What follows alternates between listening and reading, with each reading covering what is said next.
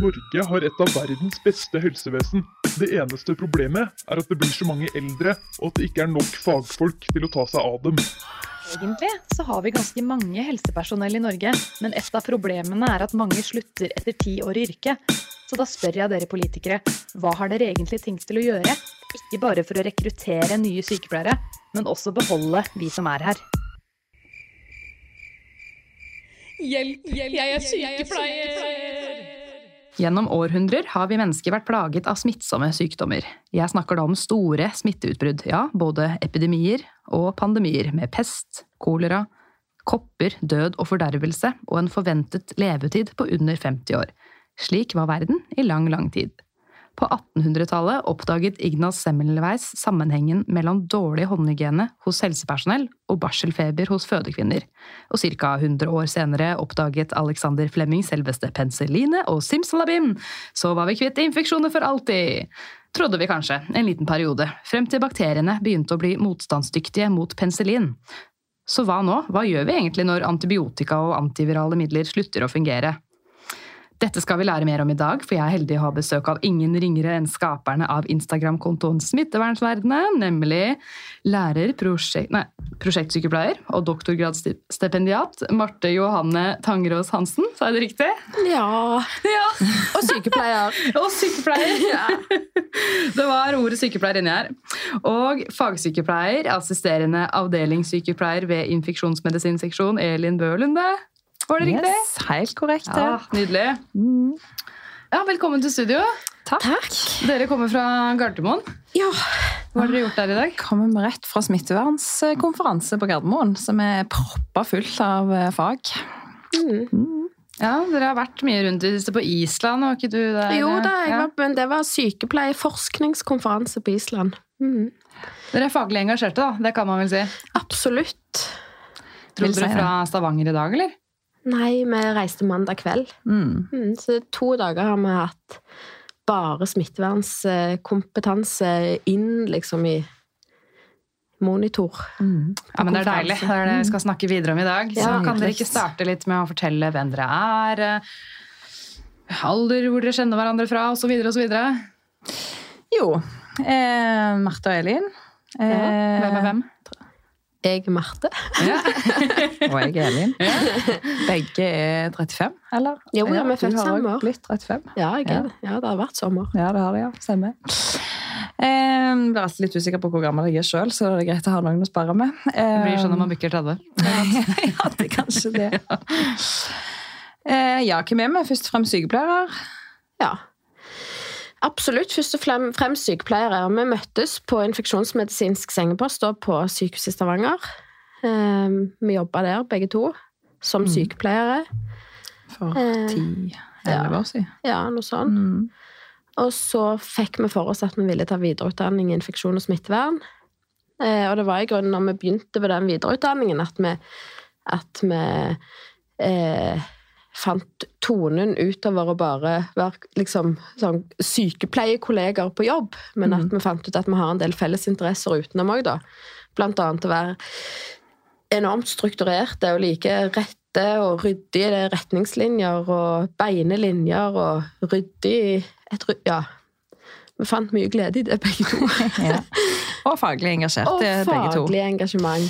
Og fant over glede i smittevernsfaget da når vi begynte på videreutdanning sammen på Høgskolen i Bergen i 2014. Ja. Skjer, var ferdig i 15. Ja. Videreutdanning i infeksjonssykepleier og smittevern. Ja, Så det er noen år siden dere tok videreutdanning. Ja, det er Ja. jo Når tok dere grunnutdanningen da, som sykepleier? Jeg var ferdig med bacheloren i 11. Ja, da var jeg ferdig i tolv. Ja. Ikke sant. Da var jeg russ på den tida. Ikke sant? Ja. Levde livet. Eh, ja, så var vi ferdig med det, og så har vi etterpå gikk vi tilbake igjen og jobbet på infeksjonsposten med den nye kompetansen vi hadde da. Ja. ja, faktisk. Så jeg eh, gikk rett fra den videreutdanningen til eh, Mammapermisjon. jeg. Føde på eksamensdagen. Ja, vi skulle ha eksamen eh, 5. desember. Jeg fødte 3. desember. Oi. Og Elin var den første som holdt babyen min, fordi at hun, jeg måtte printe ut en poster, så hun kunne ta, med, ta med seg til Oslo, nei, til Bergen, sånn at jeg skulle få godkjent et eller annet fag. Så jeg måtte opp med en nyfødt baby opp på biblioteket på sykehus og printe noe greier, og hun måtte holde den der to timers gamle babyen. Bare for orden på denne her videreutdanningen nå. Men tok du eksamen to dager etter du hadde født? Nei, jeg, Nei. eh, den fikk jeg utsatt. Mm. Så jeg var ferdig i mars 16. Ja. Ja, for jeg begynte å lure på hva er du egentlig laget av, dame? Nei, ja, nei da, det, Akkurat den siste eksamen måtte du utsette. men- den måtte jeg utsette, ja. Nei, det hadde ikke gått. Nei, det Nei. forstår jeg godt.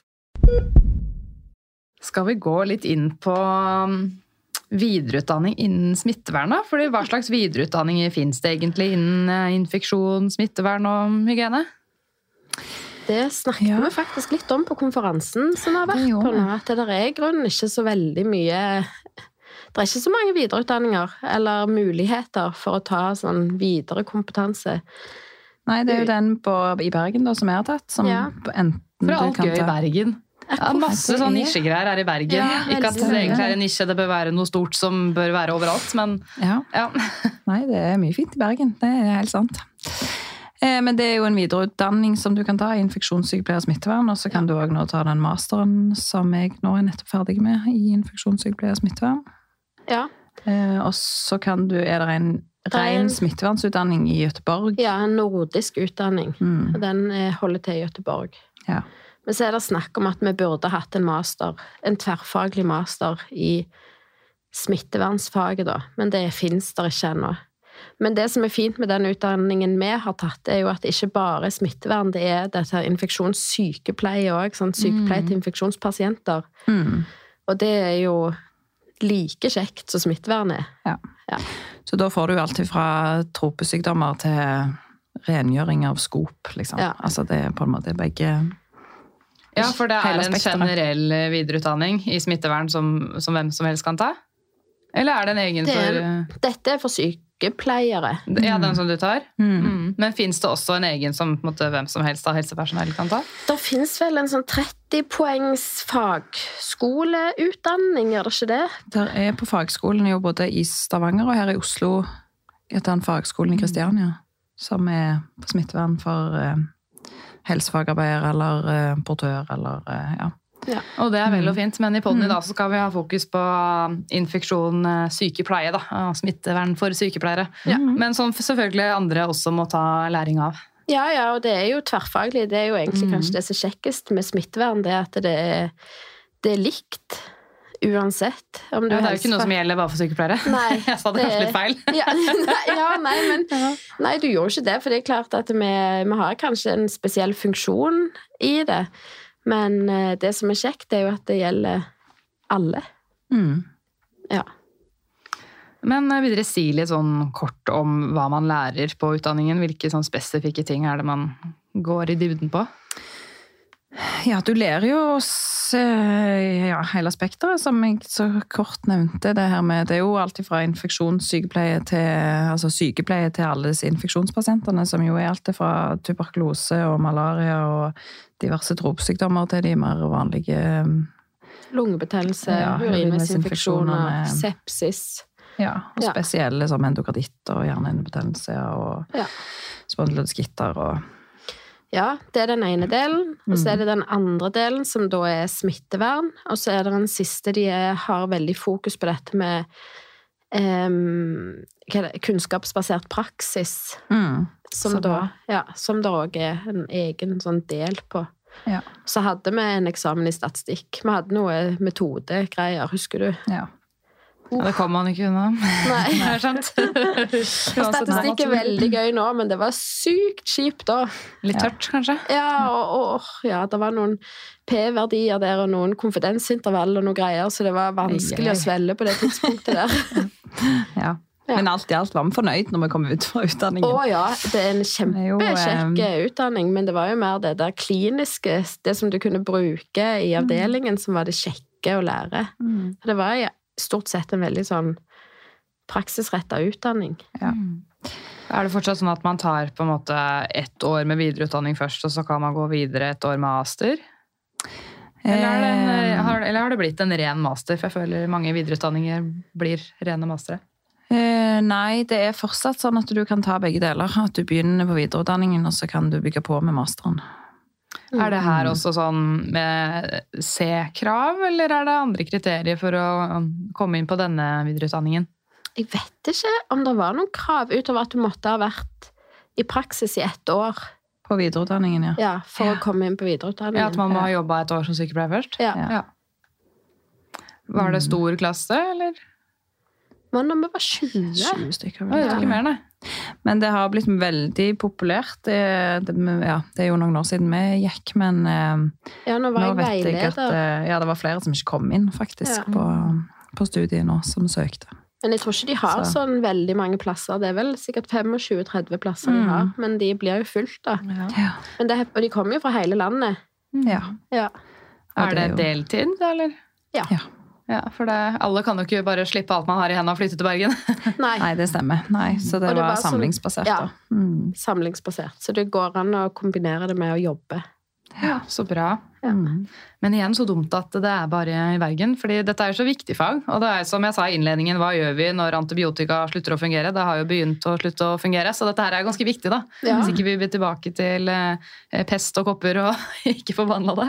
Ja, det er Ja, ja, både, både Altså smittevern og dette infeksjonsforebygging sånn stort sett. Og Mhm. hvordan du ivaretar de pasientene som faktisk har da en infeksjon. Det er kjempeviktig. Og det, det er et fag som spenner mye lenger enn bare en sykehusavdeling. Nå jobber vi på infeksjonsavdeling, eller har jobba, men du finner jo de pasientene på geriatrisk, eller på sykehjem, eller hjemmesykepleien, eller Og de gamle, og de er unge, og de er ja, syke og friske i utgangspunktet. Det er liksom Det er hele spekteret av folk, da. spekteret av folk og plasser. Mm, så de vi tok utdanning med, var jo Det er jo interessant for, for mange. Om du jobber Ja. på en korttidspost i, på et sykehjem, eller om du jobber på et sykehus på en infeksjonspost, ja, eller på geriatrisk, eller eh, Mm. I psykiatrien, for den saks skyld, så møter du pasienter med infeksjon. Det har vi jo det er flere som har fått oppleve nå med covid, at ja. Mm. plutselig så måtte alle forholde seg Ja, alle måtte kle på seg personlig beskyttelsesutstyr. Ja, er Smittevernfrakk, hva er det? Ja, Det stemmer. Så um, Men jeg merker jo, etter å ha jobbet noen år på urologisk avdeling, hvor det da blir en del eh, infeksjoner, da, eh, hvor utrolig stor påvirkningskraft vi sykepleiere har på det forebyggende arbeidet. Ja. Eh, For jeg merker jo at mange som kanskje får kateter for første gang, eh, de blir redd for å røre det, og de tør ikke å gå og dusje. Så de har kanskje gått med dette kateteret i tre uker uten å vaske seg. Ja. Så jeg har sagt at nå, folkens, så må vi begynne med en sånn vask tissen-kampanje. Ja. For nå er det så mange urinveisinfeksjoner, og ingen har turt å vaske tissen, ikke sant? Med, Nei, nei, vask tissen-kampanje. Vask tissen. Hashtag Ja. vask tissen. Ja. La Ikke ikke nødvendigvis med såpe, men bare vask den med rumpevann. Vet du hva, den kampanjen hiver vi oss med på. Kan ikke dere starte den vasktissen-kampanjen? Jo da. Jo da, det er klart vi kan det. Ja, Det er viktig, det. Det er viktig infeksjonsforebygging, intimhygiene. Ja, virkelig. Nei, så det, det sier jeg til alle pasientene før jeg sender med. Husk at du må gjerne dusje hver dag. Spyl med dusjhodet. Ja. Bare fint. Kan jeg det, da? Ja, det, du skal det. det er Faller ikke ut av det. Nei, Nei. henger liksom fast inni der. Ja.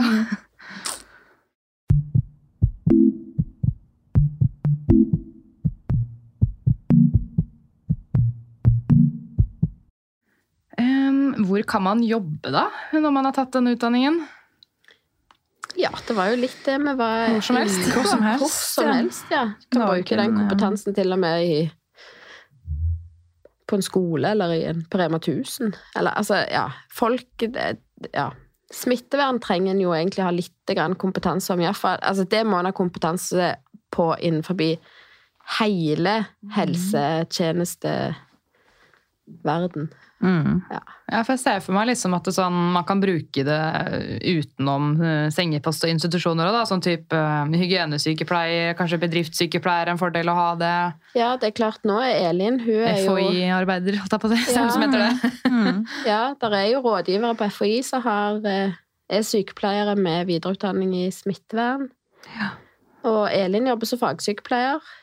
Det, der bruker du jo den utdanningen aktivt. Mm.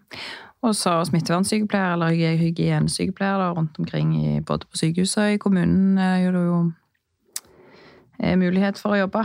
Ja, og der Um, fortalte vel hun ene um, Hva vet nå? Hanne Brete fra FHI.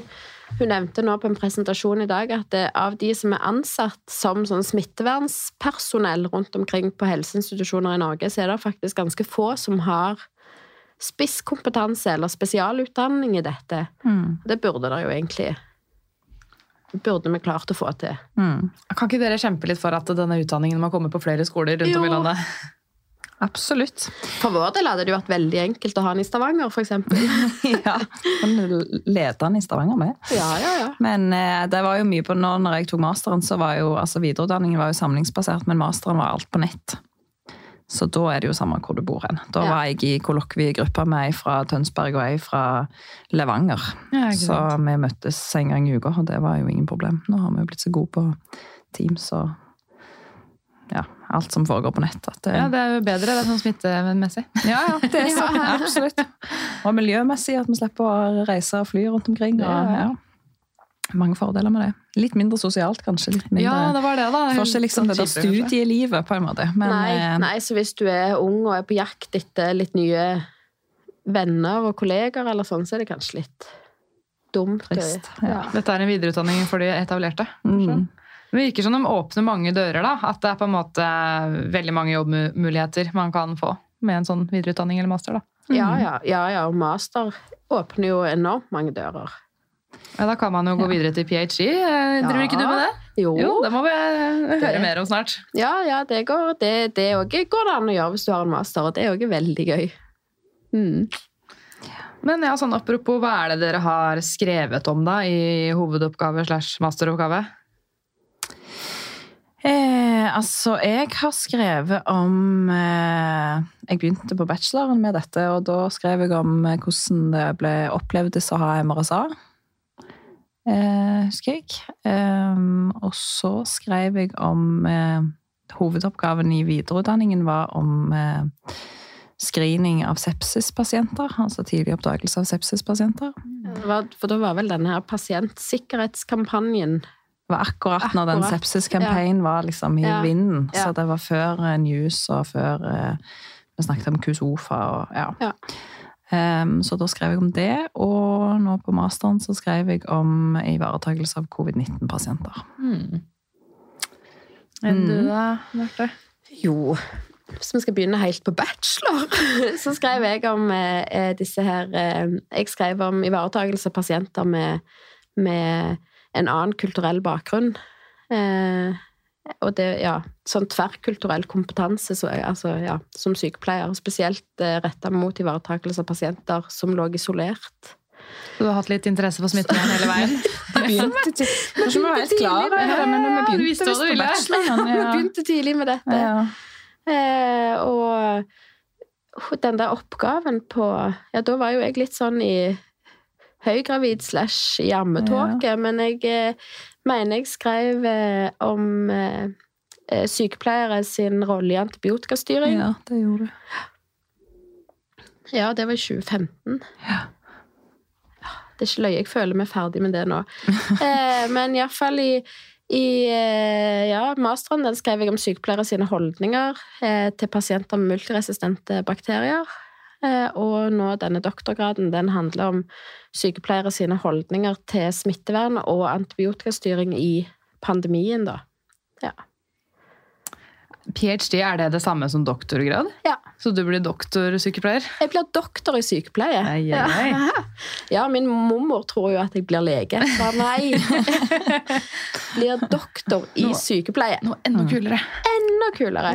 Det skal jeg ha på skiltet mitt når jeg er rundt i praksis. Når jeg er ferdig. Hvis jeg blir ferdig, håper jeg blir ferdig, så skal jeg ha Marte, doktor i sykepleie. Oh yes. Wow. Hvor lang tid tar det å ta en doktorgrad, egentlig? Fulltid så tar det tre år. Ja, Og det er, da, er det tre år etter master? Ja. Oi. Ja, Så det er ikke for de som hater skole der? Nei, eller men sant, da er du kommet på et nivå hvor du eh, bestemmer litt mer sjøl. Det er ikke sånn at du blir tvunget gjennom en rekke fag som eller, Ja, ja, litt, da. Men eh, det er 30 poeng, du må ta 30 studiepoeng. Eh, og ti av de kan du velge fritt. Og så er det litt sånn vitenskapsteori og noe metodegreier. Men resten av tiden får du jo bare få lov, du får jo lov å fordype deg i noe du syns er kjempegøy. Og da er det jo litt annerledes når det er noe man faktisk velger selv. Man velger Ja. akkurat det punktet man selv syns er interessant, og da Ja. våkner plutselig hjernen litt. I hvert fall min hjerne Ja. fungerer sånn at jeg kan jobbe timevis i Ja, sånn ja. hyperfocus hvis det er noe som er spennende. Hvis det er noe som ikke interesserer meg, jeg kan lese side opp og side ned bare hva, hva er det jeg egentlig har lest? Jeg har ikke fått med meg en dritt. Nei. Og det er jo det, da, at du får lov. Det er jo egentlig et privilegium for å bruke tre år av livet sitt på bli betalt for å fordype seg i noe som du syns er kjempegøy. Ja, for du får betalt for det her. Få betalt for Ja, det. Det er jo en jobb nice. ja. Det er en jobb. Så det kan jeg anbefale hvis det er noen sykepleiere som lurer på om dette er veien å gå. Så er det veldig gøy, altså. Og vi har behov for sykepleiere med akademisk kompetanse òg. For Altså, å kunne utdanne flere. Absolutt. Så man ser jo at uh, flesteparten av de sykepleiere som tar doktorgrad, er ofte sånn etterfylte 50 år og sånn, så det er jo litt kult at eh, det er noen unge lovende som tar uh, ph.d. òg, da. Ja, og at man kanskje ikke har som mål å utdanne seg ut av praksis. Veldig sant. Ja. Man trenger ikke å ende opp med noe helt annet på et eget kontor vekk fra, vekk fra folk og fe, alt si. Nei, det går an å se for seg å ha en doktorgrad og ha pasientkontakt Mhm. samtidig. Det er iallfall målet mitt. nytenkning du kommer med der, tror jeg. Ja, ja, ja. Men, ja. Det er helt Bra. nytt. Ja. Fordi det virker som noen tar høyere utdanning nesten for å komme vekk fra pasientkontakten. Det ble liksom, ja, men Blei vi ikke sykepleiere for å liksom jobbe med pasienter, da? Jo. Ja. Jeg skjønner ikke de som er helt nyutdanna. Det første de gjør, er å ta en eller annen retning for å ikke jobbe med pasienter. Nei, det er veld, veldig løye. Mm. Hvorfor gjør du det? Ja. Veldig merkelig. Og hvis da vi har sykepleiere som, som har forskningskompetanse og som tar doktorgrad, så får vi jo òg forskning på de tingene som vi faktisk lurer på i praksis. Ja. Vi får løst de utfordringene som vi faktisk står i, ikke de som eh, som noen har kommet på at vi kanskje har inne på et kontor, men som faktisk vi ser at vi dette trenger vi hjelp til å løse. Ja. Da er jo det Kombinerer man fantastisk teori og praksis. Det er Ja. magien, det. Mm. Ja, det er jo det. Det er jo det. Er jo det. Mitt prosjekt jeg kommer jo fra mine erfaringer fra praksis. Det er jo Og det Tenk så kult det er at vi har lov til det. Mm. Å putle på og lage et prosjekt på egen hånd og styre i vei og finne ut og holde på. Jeg husker da jeg var student, eh, de beste eh, høyskolelektorene, det var jo de som jobba i klinisk praksis i tillegg. Ikke de som hadde grodd fast på høyskolen og ikke hadde jobba som sykepleier siden 80-tallet. Det var ja. de som gjorde det samme med foreleserne, de eksterne som eh, jobber med pasienter. Det var sånn Oi, her lærte jeg mye. Her skjønner jeg at du jobber faktisk med det. Det er ikke liksom rett fra en bok som ble Nei. skrevet for lenge siden. Nei, det er alltid kjipt med de foreleserne som eh, bruker casen som står beskrevet i boken, som casen de presenterer for å beskrive en ting. Så du tenker å ja, men har du ingenting sjøl opplevd, du? Altså, kan du ikke heller komme 1985, ja. da jeg jobba på Gyn. så- Ja. ja. Det stemmer.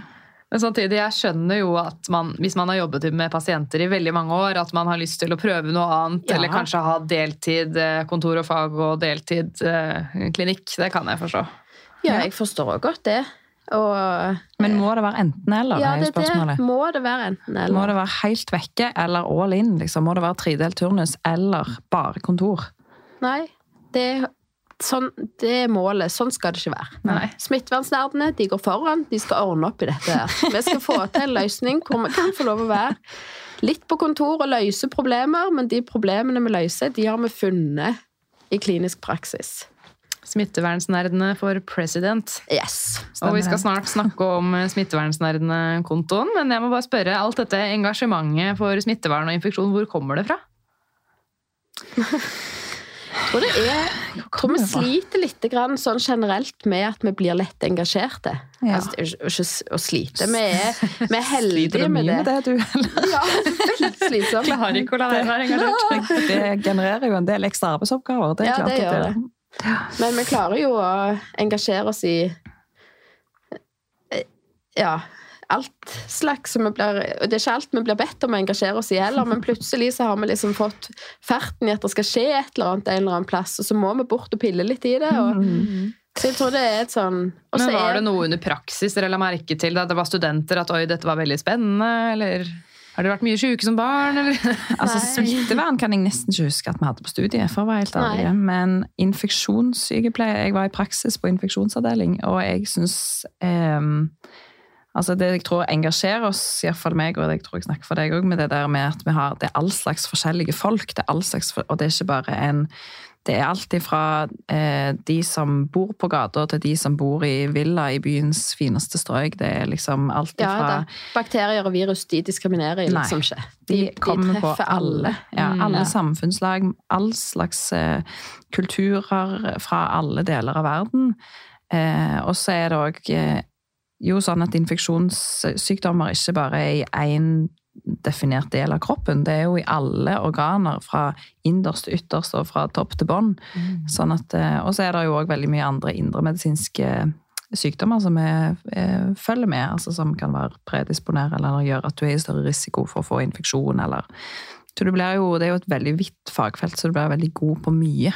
Ja. Om å tenke veldig helhetlig. Ja, og så samtidig så er det jo da det som jeg nevnte litt innledningsvis. Vi er glad i beine linjer og Mm. struktur og eh, eh, ja, at ting er ryddig og fint. Og det er infeksjons... Altså en sånn Et sånn nydelig infeksjonsforløp. Det går liksom fra eh, Fra at du har en syk pasient, til at du får en frisk pasient. Mm. Det er veldig sånn, Og smittevern òg er liksom Det er ganske ryddig. Mm. Og det er, det er veldig det er deilig for hjernen med litt sånn Absolutt. Og engasjementet for smittevern er vel akkurat det at vi Altså, som sagt, Jeg husker ikke at vi hadde noe om det på studiet. Selvfølgelig lærte vi noe om det, men det er ikke noe som har festa meg eller engasjert meg. sånn sett da. Men etter hvert som vi begynte på videreutdanningen, så tror jeg vi skjønte at, at vi har sett på det som et litt sånn Og mange ser på det som et traust og kjedelig fag som egentlig Ja, det har jeg lagt merke til at noen Ja. er enten sånn der Åh, jeg elsker smitte, mens andre er sånn Åh, jeg hater smitte, det er så kjedelig, og jeg skjønner liksom, ingenting ja. av disse rutinene, det endrer seg hele tiden. Ja, det er folk bare- er veldig sånn enten-eller, da. Men da- basale smittevernsrutiner. Bare liksom, kjenn, føl litt på på det ordet der. sant? Oh, sykt engasjerende begrep. Basale smittevernsrutiner. Hva føler du om det? Ingenting. Nei. Åh, jeg vet jeg skal sprite hendene, liksom. Ja. Jeg har hørt det før. Ja, slutt å mase. Men å kunne se litt, det var jo det vi lærte gjennom utdanning, var jo å se liksom litt på baksida og se litt eh, Altså for bakgrunnskunnskapen, for hvorfor er det sånn at eh, vi har akkurat de rutinene, og hvordan skal vi tilpasse det til den og den pasienten, og eh, alle de etiske refleksjonene oppi dette, og at det egentlig er et sånn superpraktisk fag. Det er jo, sant, det er jo det vi Det er jo ja. praksis. Det er jo helt Det er Det er jo praksis, inntil ja. pasienten. Det er helt inntil pasientene, og det er òg så viktig at eh, altså, Hva skulle helsetjenesten gjort hvis vi ikke hadde hatt smittevern? Ja. Og det gjelder jo for alle aldre, og fra gravide til nyfødte barn til mm. terminale pasienter, så er det jo smittevern all the way. Ja, ja, Både for å beskytte seg selv og for å beskytte pasienten. Ja, det er både pasient og ansattsikkerhet Og i andre pasienter, for den saks Ja. skyld. Mm. Mm. Og veldig komplekst og samtidig enkelt. som Ja, det er det. Ja. Mm. Begge deler. Ja. Så ja, det var et langt svar på det. Ja. Men, eh, Hva var spørsmålet? You know. Jeg husker ikke. Jeg tror jeg spurte hvor, hvor engasjementet kom fra. Ja, Nei, det kommer, fra- det kommer fra innsiden. innsiden. Glede kommer innenfra. Smittevernskallet, kan man vel si da. Ja. Men denne Instagram-kontoen deres, eh, Smittevernsnerdene, eh, når ble den tid, og hva var det som fikk dere til å tenke nå lager vi en egen Instagram for dette? Det, kjære lyttere, det var pandemien.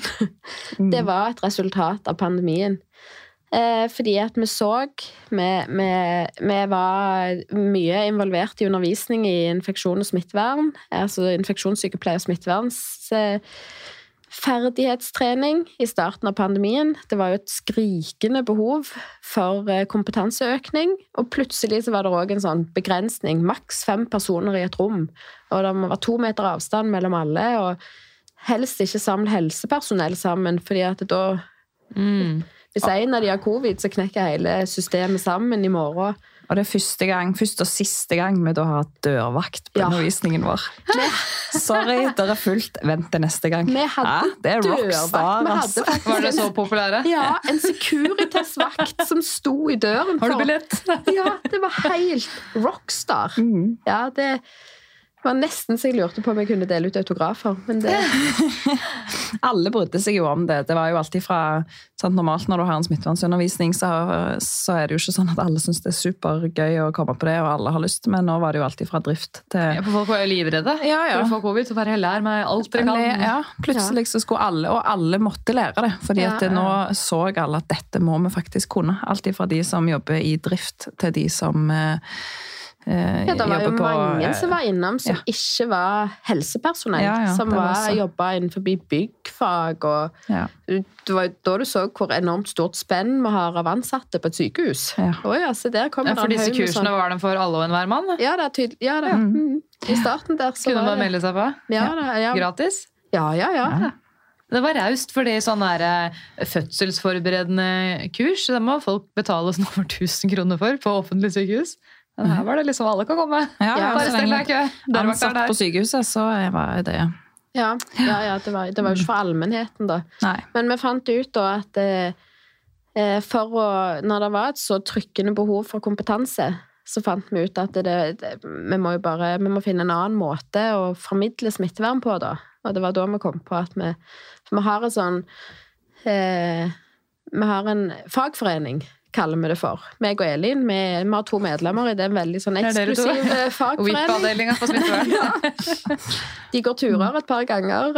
Eh, Ja, ja, nå har det vært litt lite i det siste, men vi har gått mye tur og snakket liksom Snakket oss varme om fag og, og sånn. Mhm. Eh, og Løst problemer. fag, fagforeningen vår, den heter da Smittevernsnerdene. Ja, nå må vi bare lage en konto.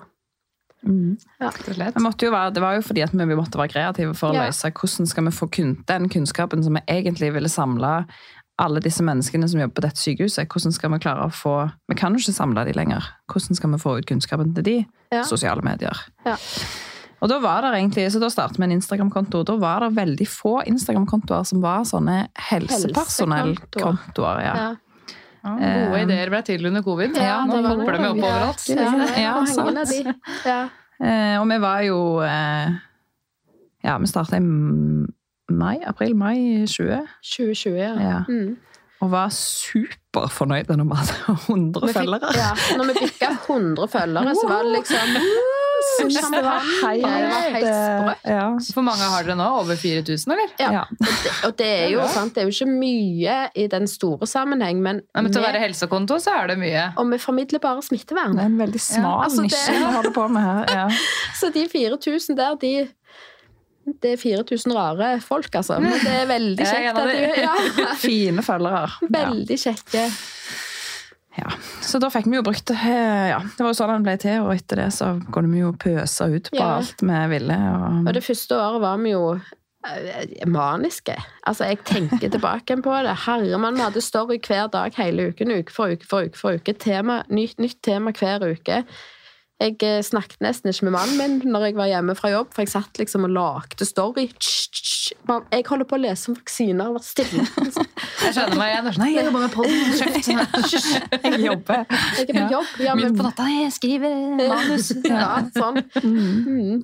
Sånn holdt vi på det første året. Og alt masse, og helt til starten så var vi ikke bare maniske på all storyen, vi hadde også enormt mye farge og sånne katter som dansa. Og, altså, det var så gøy, liksom. Hvis du ser på de gamle høydepunktene våre, så ser du ganske tydelig at de var ikke gode på Instagram. Nei.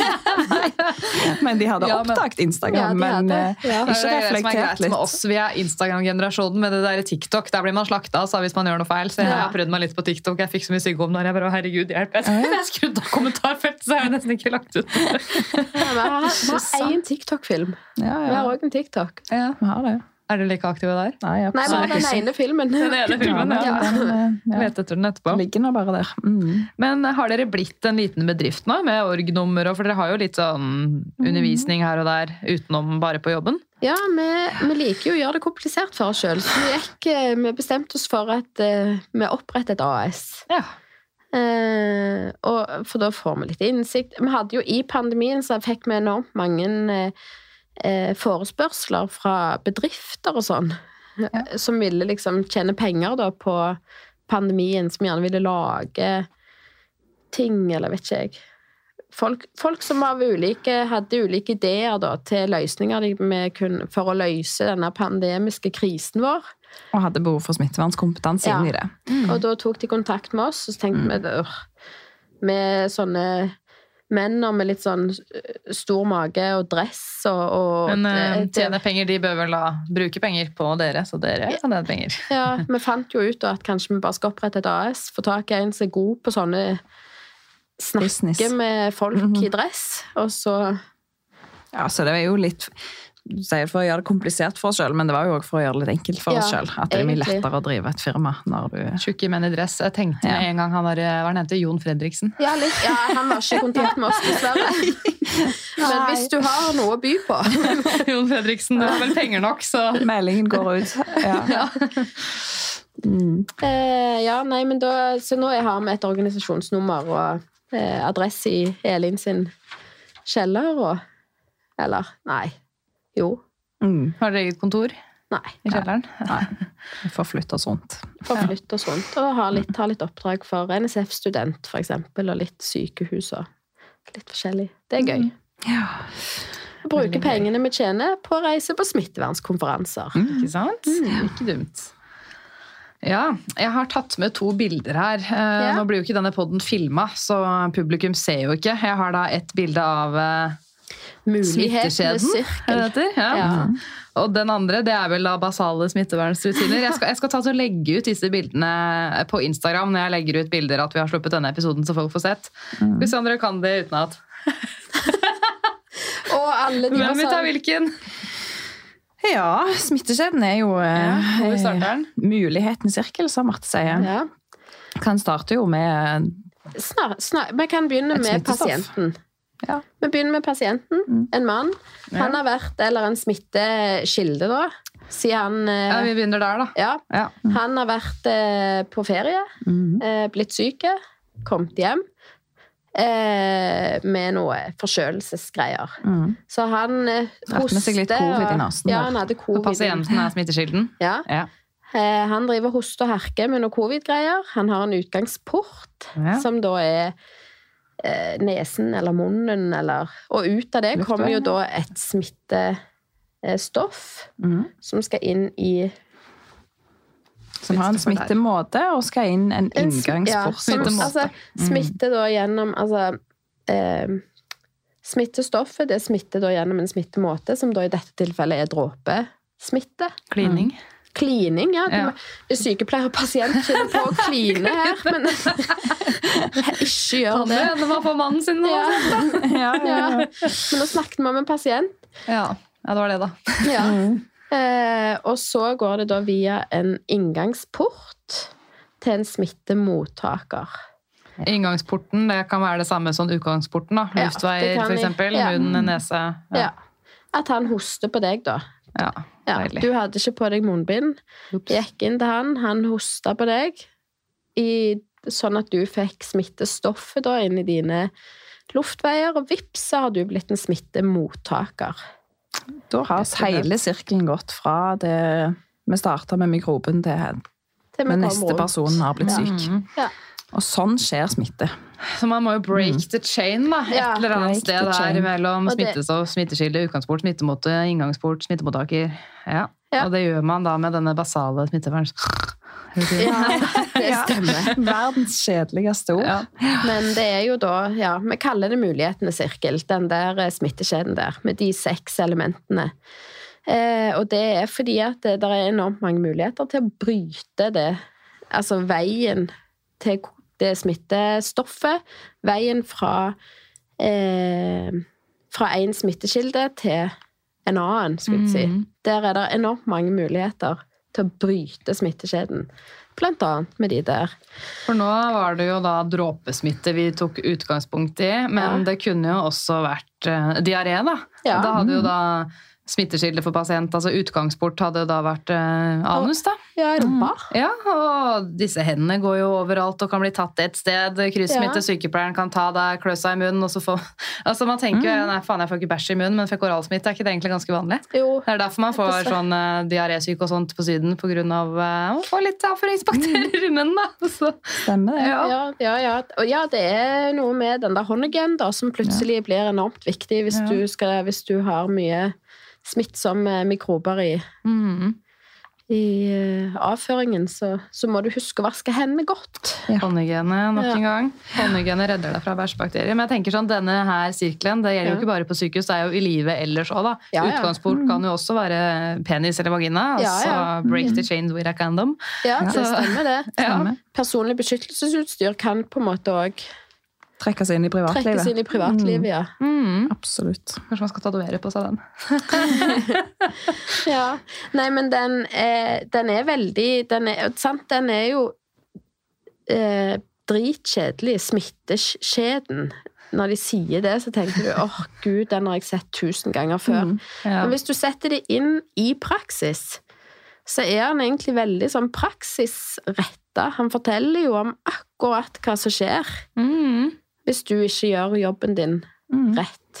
Og hva du egentlig gjør tusen ganger i løpet av en dag på jobb, så Ja. gjør du, når du er på jobb på urologisk avdeling, så bryter du denne smittekjeden igjen og igjen og igjen og igjen. Jeg prøver igjen. så godt jeg kan, i hvert fall. Ja. Det Et feiltrinn, så er det gjort. Og da bruker du jo alle de verktøyene som er i den basale smittevernsrutine Jeg skulle bare ønske jeg ikke hadde så mye sånn små sår på hendene. Den der spriten, det svir. Ja, ja, Ja, ja. det Det er jo bakdelen med håndhygiene. Ja. mm. Men ja, for å bryte denne smitteskjeden, da, så er det den andre skjeden ved siden av her. Eh, ja, ja, der har jo da tegnehanne Mm. tegnet de eh, basale smittevernrutinene eh, Litt flere punkter. rundt en, eh, rundt en pasient nok en gang for å vise at dette er jo pasientnært og viktig i, i klinikken, da. Mm. Men der, hvis vi skal ta de, klarer vi de, da. Håndhygiene, Ja. hostehygiene, Mm. personlig beskyttelsesutstyr, eh, pasientplassering. Det er mitt favoritt. Alle har et favoritt basalt smittevernstiltak. Ja. Mitt er, dette må dere alle der ute dere, Etterpå nå må dere tenke dere tenke gjennom hva er ditt favoritt Favorittpunkt på denne sykkelen? sjekketrikset til Marte. Ja, det er sjekketrikset mitt. Det er godt jeg er gift for. Hvis du skal på date, så er det det du spør om. Ja vel. Hva er Hva er ditt favoritt basale smittevernstiltak? Og så blunker jeg litt. Ja. Eh, Men ja, det er mitt er pasientplassering. Og det er fordi at det Ja. Det er så pasientnært så du får det. At du plasserer pasienten et sted hvor det er rent og ikke skittent? på en måte? Ja, ja, og at du tenker på når du tar imot pasienter, da, at du ikke tar en pasient Hvis du, har, hvis du får eh, jobbe på et sykehus, får meldt en pasient med masse luftveissymptomer, eh, og har bare plass på et rom hvor det er en som er immunsupprimert, Mm.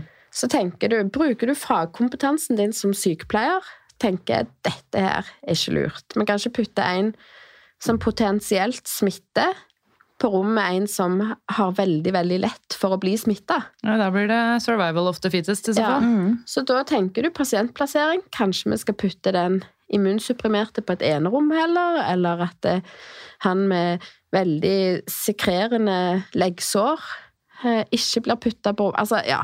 Pasientplassering, det er liksom fagbruk, fagkompetanse.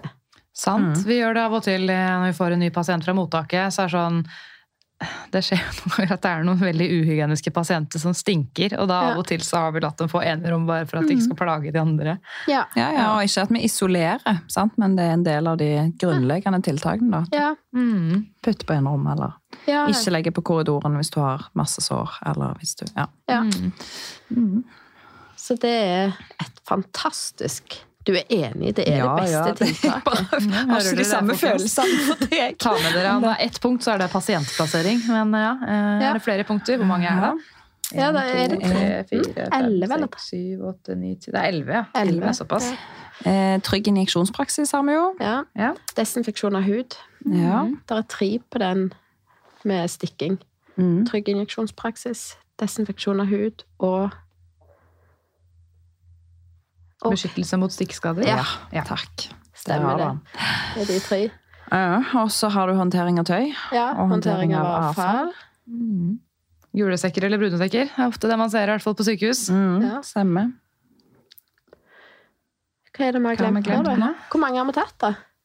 Jeg følte Vi har sagt håndhygiene, eller? Ja, ja, ja. ja. Det var den første vi sa. Personlig beskyttelsesutstyr. Ja, det det, sa vi. Det var den kondomen vi snakket om. Ikke Ja. sant? Eller, i, Eller hansker og eller hansker og munnbind. Og Munnbind. Pasienten er stelle utstyr. Ja, pasientnært utstyr, ja. Ja. Renhold og desinfeksjon. ja, ja, ja, renhold. Ja. Det pleier vi jo òg alltid si. At renholderne på sykehusene de er en enormt viktig del av Og på sykehjemmene og ja, rundt omkring. En enormt viktig del av grunnmuren i smittevern. Virkelig se for deg at de bare hadde slutta på dagen. At det ikke ble vaska noe mer. Nei, det ble himla travelt for sykepleierne. Ja, for det er klart, det er det noen som da hadde oppgavene da hadde blitt glidd over til. Mm. Så er det jo oss. Mm. Ja, jeg føler jeg gjør ganske mye vasking fra før. Jeg lurer Ja. på hvor mange rom jeg vasker og rydder i løpet av en vakt. Ja, sant vel. Ja.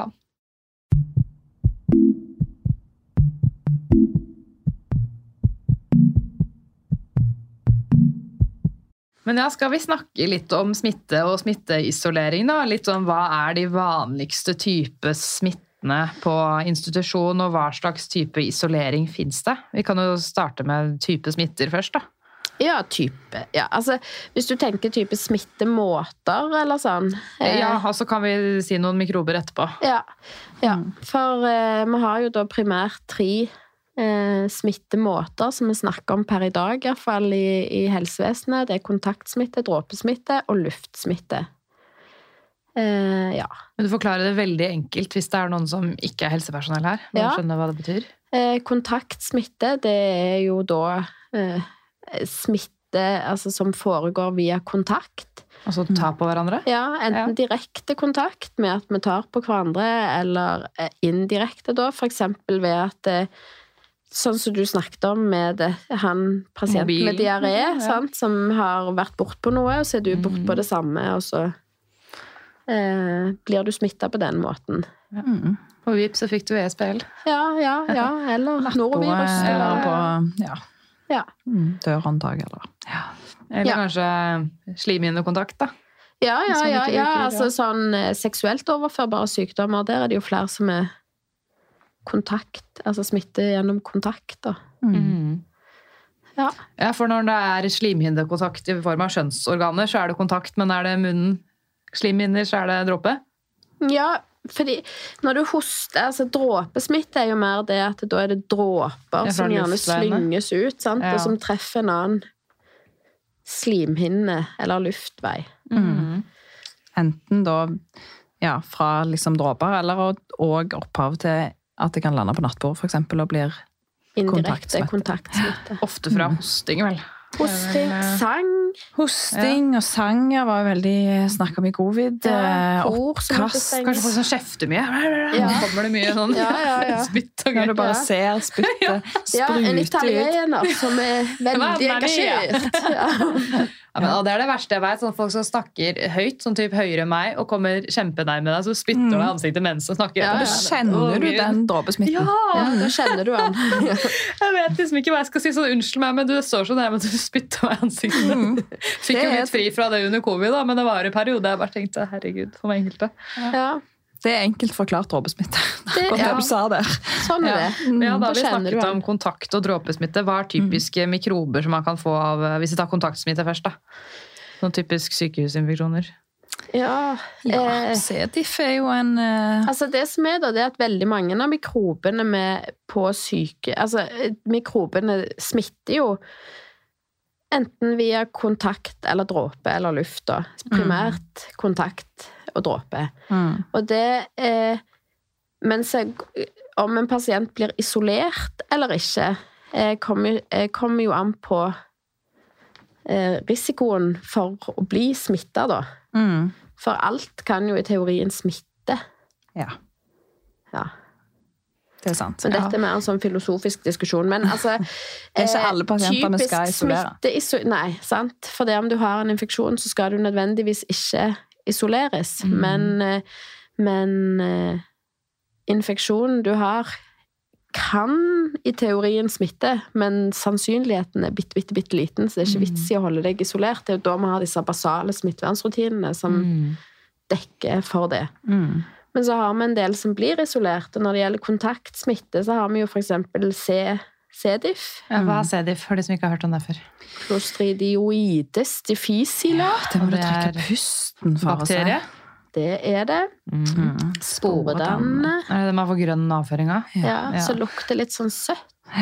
Mm. Det ser litt ut som pesto. Bæsjen gjør det ikke? Jo, kan gjøre det. litt. Mørk pesto. Er det sånn man kan få hvis man har stått lenge på antibiotika, så blir tarmfloraen helt sånn rar? Ja, eller altså, de sier vel Altså, C-diff er vel egentlig en del av normalfloraen, iallfall når han blir født. Mm. Hos spedbarn er det Ja. ofte Ja, for en den del av er jo sånn grønn, rar, svartaktig avføring. Ja. Ja. Ja. Eller så kan du jo bli smitta av det, eller så kan du ha et bærerskap av det, og så f- Når får du det får en sin eh, antibiotikakur, Mm. så dreper du gjerne normalfloraen, og så får den lov å, å gro og Så blir det for mye C-diff da, i forhold til det som det pleier å være i tarmen. Ja. Og da blir man dårlig. Når du får antibiotika, så tar du jo livet av Du har jo en tarmflora som gjør at du har eh, en fungerende tarm til vanlig. Når du da tar antibiotika, så kan du risikere at det tar livet av alle de gode bakteriene i tarmen din, og da får bare de sterke C-diffene da lov å vokse opp og tar over hele tarmen, og da gir deg Ja. plager med diaré. Ja. Det er jo selvfølgelig ikke all antibiotika Nei. som er, eh, gir samme risiko for det, men enkelte har jo en ganske stor risiko, altså gir større ris Enkelte antibiotikatyper gir større risiko for det. Mm. Mm. Og hvis Mens, de da blir innlagt på sykehus og har diaré, så blir de jo innlagt med isolert på kontaktsmitte. Ja. Se, sånn. ja. Eksempel på det. Ja. Er det andre typer kontaktsmitter man eh, blir isolert for? Vanligvis på sykehus? Eh, Ja, det er jo disse antibiotikaresistente mikrobene, for eksempel. Ja, for da trenger man ikke nødvendigvis å ha en pågående infeksjon. Der er det nok å bare ha et bærerskap, ikke sant? Og så er det 'sorry, Mac, du må på enerommet isolat'. Bare sånn 'hø, men jeg var jo på jobb i dag', ja. Men det er jo ikke noe det, du. Nei, ikke her. Her, må du. her er det litt Det syns jo mange pasienter er veldig rart. Hvorfor må jeg isoleres fra omverdenen, jeg som jobber og drar på treningsstudio, kanskje? Ja. Mm. Ja. Og det er jo egentlig veldig enkelt å forklare, for det er jo det vi har et helt annet klientell Mm. inne hos oss enn det er utenfor. Mm. Eh, Det er jo for å beskytte eh, Altså, vi isolerer jo disse her eh, som har bærerskap av multiresistente bakterier og ikke en pågående infeksjon. De beskytter vi jo primært for å forebygge For å beskytte Eller for å beskytte de andre, ja. Sant? Mm. For å beskytte de fra ja, at det skal, Og òg at det skal sette seg i sykehusmiljøet, for vi har jo en litt sånn. Det, ja. Men VRE, ja, er typisk, og ESPL. Men her har, vet jeg at de forskjellige helseforetakene og sykehjem og sånn har litt ulike retningslinjer Ja, på hvilke Ja, Og så er det vel den derre LRE òg, altså linsolidresistente enterokokker, ikke ja som er mer utbredt på Østlandet enn En på enn En på For det, så får du sånn der smittevernnytt i mailene. LRE-utbrudd her og der, LRE, VRE. Det er mye, mye av det om dagen, føler jeg. Ja. Mm. Ja. Ja da, så det må vi ta på alvor. Ja. Eh, ja, eh, er det andre sånn typisk kontaktsmitte? Eh, Ja, hvis du har et sår, for eksempel, Ja, ja, som væsker veldig, hvordan ville du isolert det da? Ja, for da kan man jo begynne å snakke om det som heter kontaktsmitte med munnbind. Ja. Ja, for Det det er var noen som lurte på hva er forskjell på dråpesmitte og kontakt, kontaktsmitte med munnbind. Er det noen som har spurt om? Vi kommer til Q&A litt senere. ja, ja, og jeg vet ikke helt.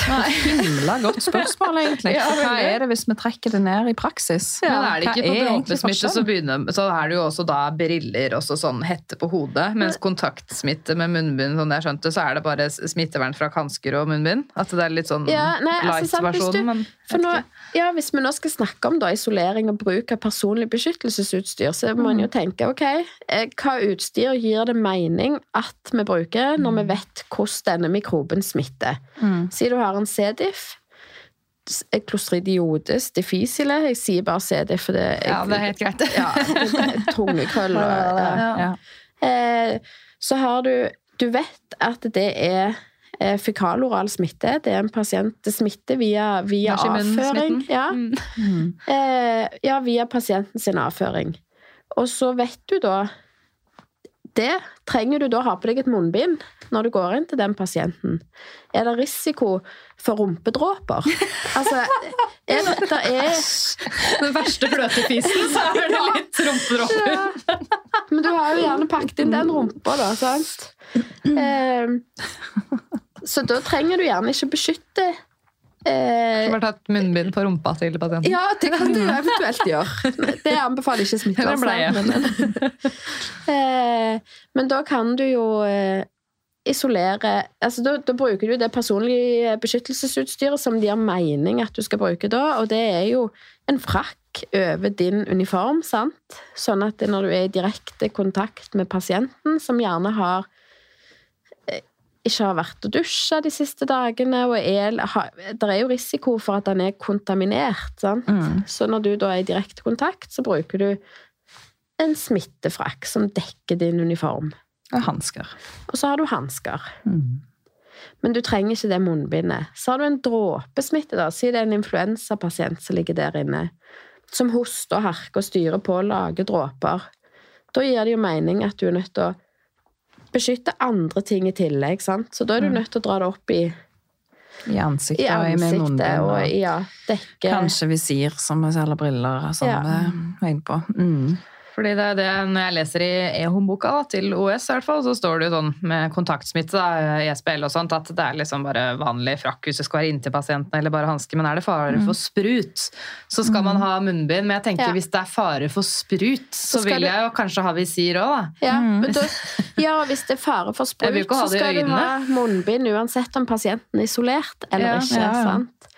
Fordi at det her skiller vi jo mellom de basale smittevernrutinene og isolering, som er noe annet, eller noe vi gjør i tillegg. Mm. Eh, og de basale smittevernrutinene de skal jo fungere på et isolat òg. Mm. Så hvis du ville tatt på deg et munnbind fordi det er en risiko for sprut eller søl eller et eller annet utenfor et isolat, så skal du gjøre det samme inne på isolatet med akkurat samme begrunnelse. Uavhengig av isoleringsregimet, ja. Mm. Og så er det litt vanskelig å putte disse Altså Når vi snakker om dette, så ser vi jo, hører vi jo hvor komplisert dette egentlig Ja. kan gjøres på et vis. Og det er jo, vi har jo liksom lært at det, du putter liksom CDF og VRE putter vi i kontaktsmitteboblen. Og eh, influensa putter vi i dråpesmitte, og tuberkulose putter vi i luftsmitte. Men Ja, for den har vi ikke snakka om ennå. Luftsmitte. Hva er forskjellen på dråpesmitte og luftsmitte? Ja, at da er det jo mye mindre dråper da, som eh, kommer ut. Svever rundt i lufta. Svever rundt. eh, Dråpekjerner eller ja, sånne så aerosoler små, små, små, små sånn, dråpekjerner som så kan flyte i mange timer rundt i Er det det som blir kalt ariosoler? Det Ja. stemmer. Vakkert ord. Og de er jo så små da, at de kan sveve i luft. sant? Det er Da trenger du ikke å bli hosta på av pasienten. Da er det nok Nei. å bare være i samme rom eller samme heis og puste inn, og så puster du inn pesten, holdt jeg på å si. Mm. Ja. Ja. Det stemmer, det.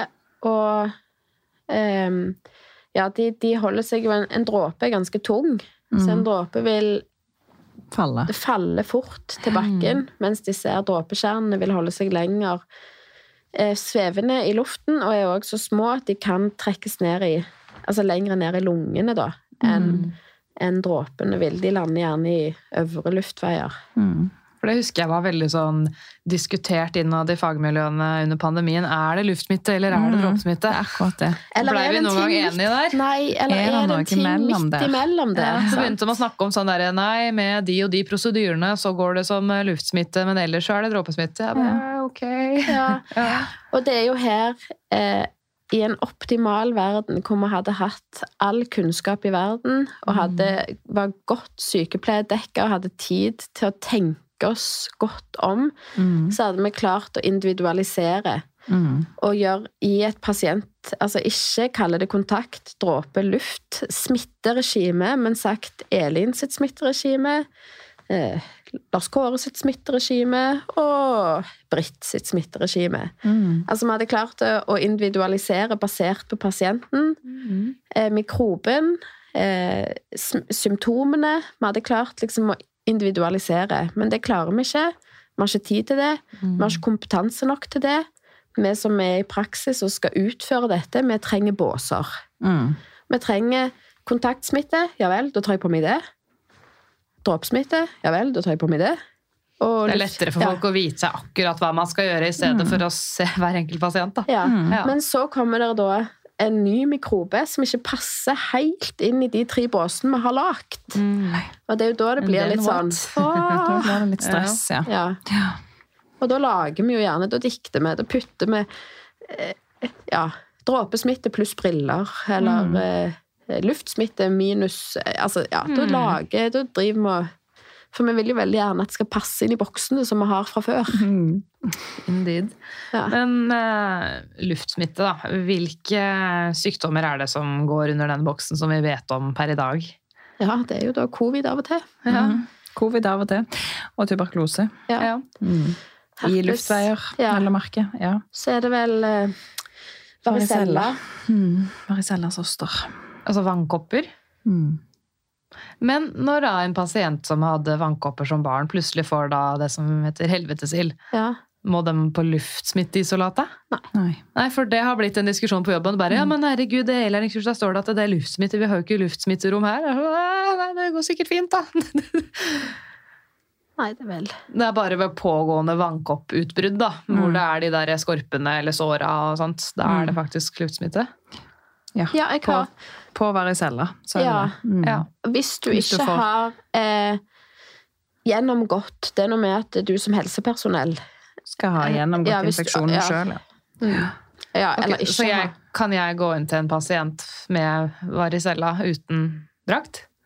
Uten Eller kan jeg ta med meg da smitte til andre, selv om jeg ikke blir smitta selv? Ja, Det er jo en Det todelt sak med å gå med personlig beskyttelsesutstyr, for du beskytter jo deg sjøl, men du, Ja, når du er på jobb på sykehus, så skal du jo òg beskytte den neste pasienten du ja det er gå de inn jeg mest jeg tenker på. Jeg tåler en søt, jeg, men Ja. stakkars Ja. Og derfor så skal du ha på deg utstyr som da beskytter eh, de tingene som du skal til neste pasient med, men Mm. du skal jo ikke inn til neste pasient nødvendigvis med lungene dine. Nei, ikke sant. Eller sånn. Så det er det Du viktigste igjen med med hendene. men du eksponerer det ikke.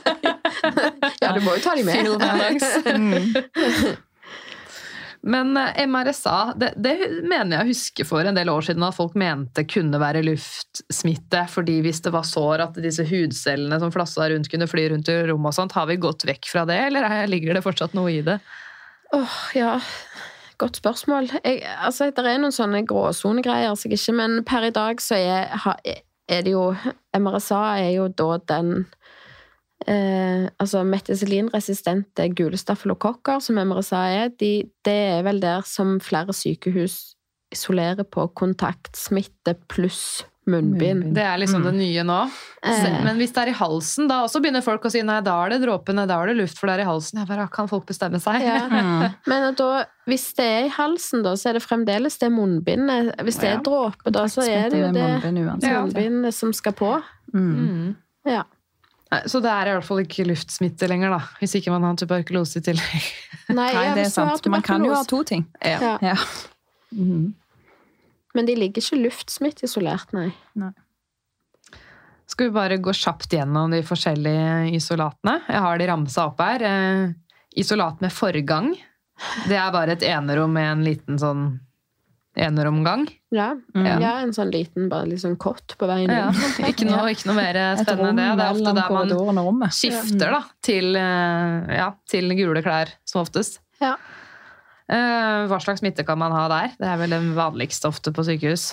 Ja, dette òg er jo en sånn der evig debatt. I en optimal verden så skulle jo alt, alt som blir isolert, skulle hatt en forgang, iallfall. Ja, og gjerne også at pasienten har eget bad og toalett. da. Ja. Det er jo ikke alltid det er det, så må man bruke en annen ute i korridor og stenge av den, og så er det kun den pasienten som bruker det. det. er Og tenk så stigmatiserende det er, da. At, at de må gå inn på den doen med det der skiltet på. Ja, den gule trekanten. Hva er det som gjør at han må inn på det, mens ikke jeg må inn på Ja, det? Pårørende går forbi bare 'hjelp, hva er det for noe?' Bare, Ja. nei, nei, nei, det skal ikke du tenke på. Så kom, så tar en kaffe.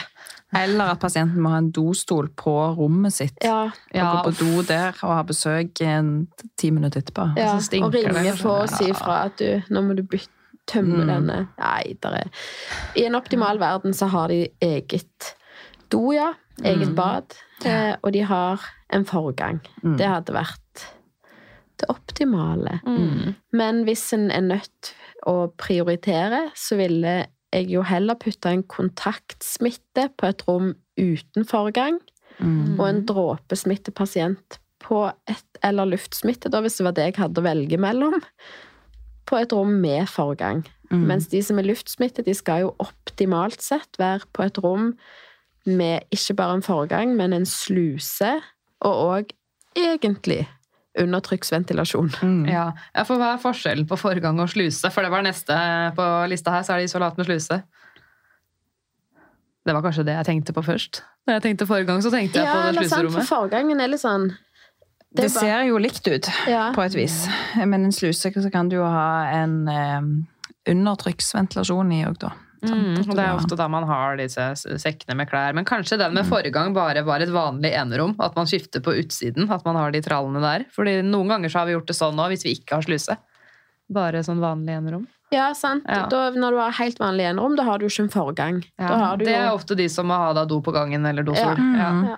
Men ofte de rommene hvor det er sluse, da, så har de ofte eget bad og toalett.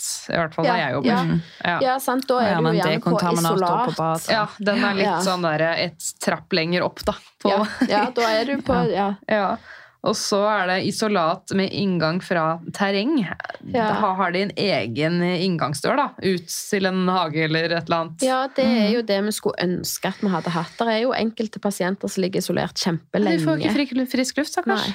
De som ligger på isolatenheten på Ullevål, de har jo egen eh, utgang. Sånn at du kan Der er rom Altså du kan gå inn fra korridoren som vanlig, helt seg, og så kan òg pasienten gå ut Mm. sin terrassedør, da. Fra rommet og ut i friluft. Ja, og gå litt, for det litt, blir ja. ofte diskutert. Spesielt de med kontaktsmitte. Kan de ha korridorlov eller ikke? Om Ja, de får lov til å gå litt i korridoren uten å ta Ja. på noen ting. Det blir veldig, veldig diskutert. Så. Og her er vi jo Ja. da inne på det der med å individualisere. Mm. Som ja. Det er for vanskelig for folk, det. ja for men, men hvis vi hadde vært bedre på smittevern, hvis det hadde Ja. vært flere på sengeposten med spisskompetanse på akkurat dette, så hadde vi kanskje klart å individualisere litt For det er jo det beste for pasienten. Ja. Ja. Ja. Ja, sånn som på Ullevål så ligger jo gjerne de som har multiresistent tuberkulose, da, de ligger jo isolert i et halvt år, eller Ja. Altså, det er jo helt forferdelig. Tenk deg å være inne så lenge. Så, Ja, det er godt å få lov å i hvert fall Mm. lukke opp litt. Og, og hvis en pasient er isolert etter kontaktsmitteregime, og den går ut på gangen og er kontinent, er, kan informeres om håndhygiene, skal ikke ta på noe, skal bare gå i gangen, hvordan skal da smitte spre seg? ja, det, og det her Rent logisk, på en måte. Hvordan skal du Da er det det noen til? som begynner sånn Nei, men tenk hvis de også har ESBL i luftveien og vi ikke vet det, bla, bla, bla, bla. Ja, ja, tenk om tenk er jo eh, Men det, ja. tenk om, det kan jo gjelde oss alle. Ja. Det er jo Tenk derfor hvis vi har det tilbake igjen Altså. til de basale smittevernrutinene, da. Mm. Det er jo, vi vet jo ikke. Nei. Egentlig de pasientene som er isolert, de er jo de kjekkeste. For de vet vi jo hva, hva, som, hva de bærer på. Mm. Alle de vi har eh, rundt omkring på sykehuset ellers, eller oss sjøl, Mm. har vi jo ikke peiling på hva vi bærer på. Nei, hvis en pasient kommer inn og har luftveissymptomer, og vi tester den i akuttmottaket og vi får en positiv covid-19-test, så har vi jo, kan vi jo følge alle prosedyrene våre. og Transportere den på rett måte, håndtere tøy og avfall på den måten, kle på oss ditt og datt, legge på sånn og sånn, rom med sånn eh, forgang eller sluse, alt etter hva vi har da. Eh, og da ja, følge alle disse isoleringsprosedyrene som vi har. Og det er jo de enkle pasientene, men så er det jo alle de andre, da. Vi tester jo ikke alle pasienter for covid, og alle pasienter screener vi ikke for MRSA. og alle, altså, Vi vet jo ikke hva alle de andre pasientene våre bærer på, eller Det optimale hadde jo vært å bare stilt pasienten inn i en sånn der boks og bare skanna henne med sånn lys. Du har det og det, gå dit, Ja. neste. Ja, Ja, da er jo diskusjonen hva vi skulle gjort med alle de vi fant da. ja Ja. det var det. Vi har ikke rom nok til å Nei. For det er jeg alltid lurt på alle disse andre pasientene som vi ikke har tatt tester av. Hva er det de egentlig har som vi ikke vet? Mm. Så personalet for den saks skyld som elsker å reise rundt i Asia og alle Ja, ja. andre land. Og da har du et veldig godt argument for å lære deg de basale smittevernrutinene Mm. og opprettholde de, for da har du et vern. Hvis, vi, hvis vi gjør det rett, Ja. så går det greit. For det hender jo at vi får, får oss en overraskelse. At vi har hatt en pasient som har ligget på stort rom, eller på korridoren for den saks skyld, som det plutselig viser seg at hadde et eller annet smittsomt. Ja, Det ser vi ofte på urologen, for da tar vi urinprøver av alle som skal Ja. til operasjon i urinveiene. Og så plutselig så bare Oi, ja, her var det Klebsiella veldig resistente, eller Ja. SPL, og plutselig så finner man ut det, og pasienten bare Oi, har jeg det? Oi. Ja. Ja. I didn't know. Og sånn er det jo. sant? Og så hvis vi da er, og i noen tilfeller da, så skal vi jo skrine andre pasienter, f.eks. Ja. Eh, eller de ansatte, hvis det er MRSA. da. Og når vi da ikke finner noen andre tilfeller, selv om pasienten har ligget på et femmannsrom eller ligget på korridoren, det er jo fantastisk. Det For det vi viser jo det wow, vi er sykt Mm. gode på basale smittevernrutiner. Klapp på skulderen til oss, altså. Ja. Og det sier jeg til studenter òg. Sånn, ja, selv om du ikke er inne på et smitterom nå, så vær like nøye med hansker, vær like nøye med håndhygiene, fordi du vet aldri hva personen har. Så egentlig bare tenk at alt du ikke vet, er potensiell smitte. Ja. Ja. Det stemmer. ja. Samtidig så du ikke må bli redd, da. Eller, Nei, altså, nei, det- sant? det er noe med den der smittefrykten den oppi det. Sant? ja. Ja, for det kan vel ta litt overhånd for enkelte at man blir livredde for å få diverse sykdommer. Mm. Ja. Ja. Men nå har vi jobbet mange, mange år. Vi er jo vi er gode drevne på smittevern, men jeg må jo med hånden på hjertet si at jeg klarer jo ikke å følge disse retningslinjene 100% til punkt og prikke. Men jeg prøver så godt som jeg kan. Mm. Jeg, og jeg er Ja. Og jeg har jo ikke blitt syk på jobb. Nei. Nei, for jeg skulle spørre dere, Har dere begynt å bli redd for smitte? Men jeg ser jo dere har ringer, så så redde kan dere ikke være. Ja. Skille mellom privat og, og jobb. Ja, men det er bra. Jeg hadde en periode når jeg, etter jeg tok denne videreutdanningen infeksjon og smittevern eh, Det var veldig dumt å gjøre samtidig som jeg fødte en liten baby. Ja. For da hadde jeg en periode hvor jeg liksom Hvis det var en baby på besøk hjemme hos oss, så sprita jeg og over der babyen hadde ligget. For jeg tenkte uh, hva er det du har tatt med deg? Ja. Men det var, det var begrunna mer i emosjoner enn i fag. Ja. Men jeg kjenner ikke Jeg er ikke redd nå. Jeg er mer, tror, opplever egentlig mer at jeg er, vi er mer eh, avslappa Mm. til det. Altså i pandemien òg. Det var så masse idiotiske tiltak som ble iverksatt i barnehage og på skole. og Måtte ta med regntøy hjem fra barnehagen hver dag, for det var jo livsfarlig med covid-19. sant? Og så sitter du bare og tenker Slapp av. Altså, Og vi tør fortsatt å gå på butikken, liksom. og Ja. treningsstudio. Ja, ja. Det er akkurat det. Nei, vi er nok ikke hysteriske, og så tror jeg òg vi Altså, det er jo mange som kanskje syns det er stress å ha isolerte pasienter. Men hvis du er vant med det og godt trent i det, så er det ikke så stress. Nei. Det var en pasient som sa til meg, han lå på isolat, altså egentlig så føler jeg meg jo litt tryggere når jeg er isolert, fordi dere Ja. kommer alltid inn med beskyttelse på, da vet jeg, ikke, da vet jeg at dere ikke kommer og gir meg annen type smitte enn jeg allerede har. Ja, sant? det er jo òg en måte å se det på. Ja. Og de får ligge alene. Ja. Det og ikke Ofte. minst. Ja. Ellers på den lista da, så står det da isolat i enerom. Det er jo ingenting annet enn et enerom, that's it. Mm. Eller eh, kohortisolering. Altså da flere eh, med samme smitte på samme rom, da. Ja, Ja. eller i samme område av et sykehus, eller ja. Ja. Mm. Jeg bare ser for meg sånn når det er sånn skikkelig pandemi, da. Så ok, alle med smitte inn på det rommet, alle Ja. andre inn der. Sånn derre zombiepandemi, holdt jeg på. Ja, Man ja. bare skiller de At du har bygd opp et telt i hagen hvor du hiver inn alle med byller, og så Ja. ja, Da kohortisolerer du på en måte. Det høres litt sånn, litt sånn gammeldags ut. Ja. Ja, ja. Men vi, har- de har mange som har kohortisolert i pandemien. Det var jo det Mm. egne koronakohortavdelinger. ja. Mm. Og et poeng da er jo at vi faktisk isolerer de, ikke bare alle de som er smittsomme, men alle de som har, er smitta med den samme mikroben. Ja. Ja. Det er de med covid, og ikke de med både covid og MRSA. Eller, ja. Nei. Og så den ESBL, så er det vel mange forskjellige varianter bare av den igjen, er det ikke det? Ja, så det er jo en annen diskusjon. Det, for det er det jo mange som gjerne skulle ønske at de kunne bare eh, kohortisolert pasienter med SPL. Ja. Men det, så enkelt er det ikke. Hva er det da for en extended spektrum beta-laktamasse? Yes. Var det riktig? Ser man det? Jeg har lest litt. Ja, det er vel nesten den vanligste typen. En ESBL-A, er det ikke den som er vanligst? Ja. Mm. Og det er jo da ikke en bakterie, men er det noen enzymgreier som setter seg på bakterier? Ja, for Ja. det er jo her Her er det jo en eh, misoppfattelse hos Mange, mange. tror det er en bakterie. Og det er litt Mm. med måten vi snakker om det på, for vi Mm. snakker jo om MRSA, VRE og ESBL. Mm. Og pasienten man- har ESBL. Så, Ja. ja. Mm. Men eh, MRSA og VRE henviser jo til spesifikke Eller iallfall bakterier. For det er i hvert fall bakterier. Ja. Ja. Mens ESBL er et enzym som enkelte bakterier kan ha.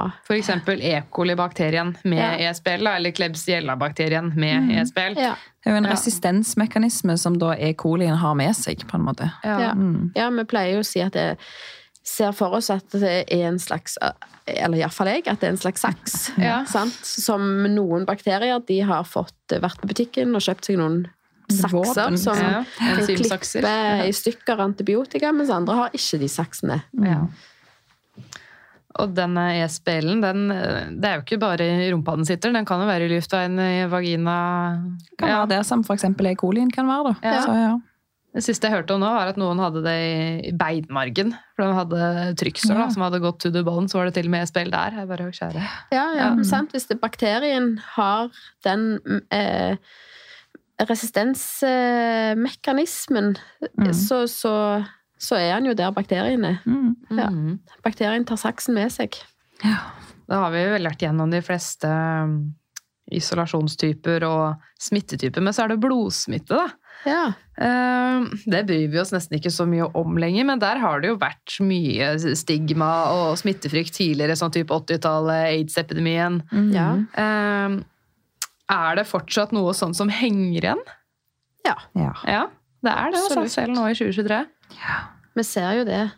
Eh, at ja, hos enkelte ja, Det er klart, jeg jobba ikke på sykehus på 80-tallet, så jeg regner med det er mye bedre nå enn det var Ja. da. Mm. Eh, men vi ser jo det at det er enkelte som er med eh, der, og, Altså hiv-pasienter og, og hepatitt C-pasienter er jo i liten grad innlagt i sykehus. På grunn av sin sykdom, ja. Ja, på grunn av Mm. at de har blodsmitte, liksom. Mm. Nei, nei. Det er bare noe de lever med. Ja, Ja. Mm. det er jo det nå. For det er vel litt vanskeligere å bli smitta av det enn alle disse andre greiene vi har snakket om. Så derfor, disse deler jo rom med andre, og det er ikke noe Ja. som må isoleres. Ja, ja. Du ligger jo ikke og blør. Nei. Altså, ut på folk og ja. Og om du gjør det, så er det jo nå kommet Altså, det er jo så gode medisiner at de er jo nesten ikke virus til stede i blodet. Nei. Mm. Nei, så- men dette går jo òg på det med smittemåte. Sant? Det går mm. tilbake igjen til det da, at vi må begrunne, vi må forstå hvorfor vi iverksetter tiltak. Mm. Vi må forstå smittemåten.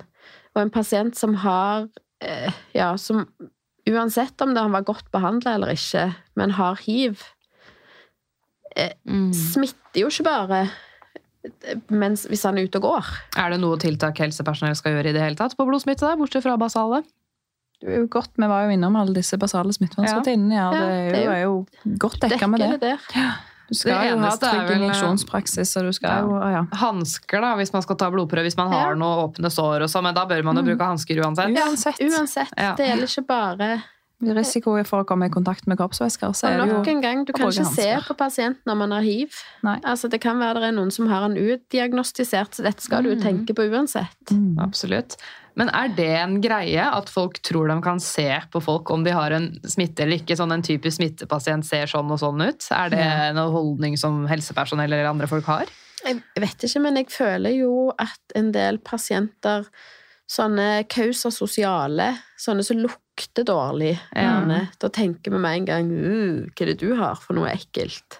Ja. Og så er det kanskje ikke noen ting. Altså, de har bare vært i sitt Ja, eget ja. hus. Og så, Ja. altså, de har ikke vært i Hellas, eller eh, Altså, Vi vil jo i større grad beskytte oss sjøl og tenke at dette er, han har sikkert noe smittsomt. Hvis det lukter, for det hvis er det naturlig lukter, instinkt, ikke sant? Hvis, han er, tenker- hvis en pasient Ja. er synlig, liksom skitten, Ja. har ureine klær, eller Ja.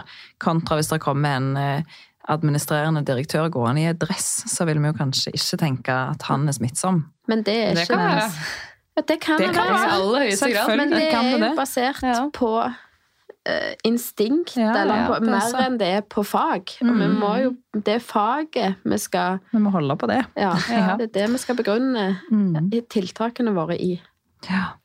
Så tror jeg mange ikke vet at uh, altså Av og til så får vi jo pasienter inn som er helsepersonell, og så sier folk herregud, eh, helsepersonell og har ESBL. Men ja, det er lov, det.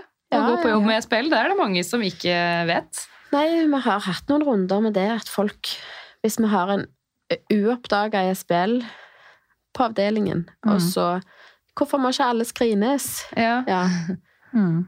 Altså hvis vi har hatt en pasient som har ja, har hatt en fått påvist med eh, påvist ESBL. Ja. Mm. Jeg spurte hygienesykepleier på jobb om det, hvorfor må ikke vi da sjekke oss? Og det var sånn, nei, men dere skal ha såpass god håndhygiene at om dere har bærerskap av SPL, skal ikke det ha noe å si for noen så lenge dere har god håndhygiene som dere skal. Ja. Ok. Skal Nei, det er jo ofte i tarmen, da, for eksempel. Og ja, du går på do Eller urinveier, sant? ja. Jeg håper folk vasker hendene etter Går på do, og vi må forvente at vi klarer å vaske hendene. Ja, og går på bilen. ja. Det bør alle gjøre. Ja, Ja, det er òg. Det kan du si. Du har nå hørt del én av episoden med Smittevernsnerdene. Du får høre del to om akkurat én uke. Stay tuned. Moderne media. Har du et enkeltpersonforetak eller en liten bedrift? Da er du sikkert lei av å høre meg snakke om hvor enkelt det er med kvitteringer og bilag i fiken, så vi eh, gir oss her, vi. Fordi vi liker enkelt. Fiken superenkelt regnskap.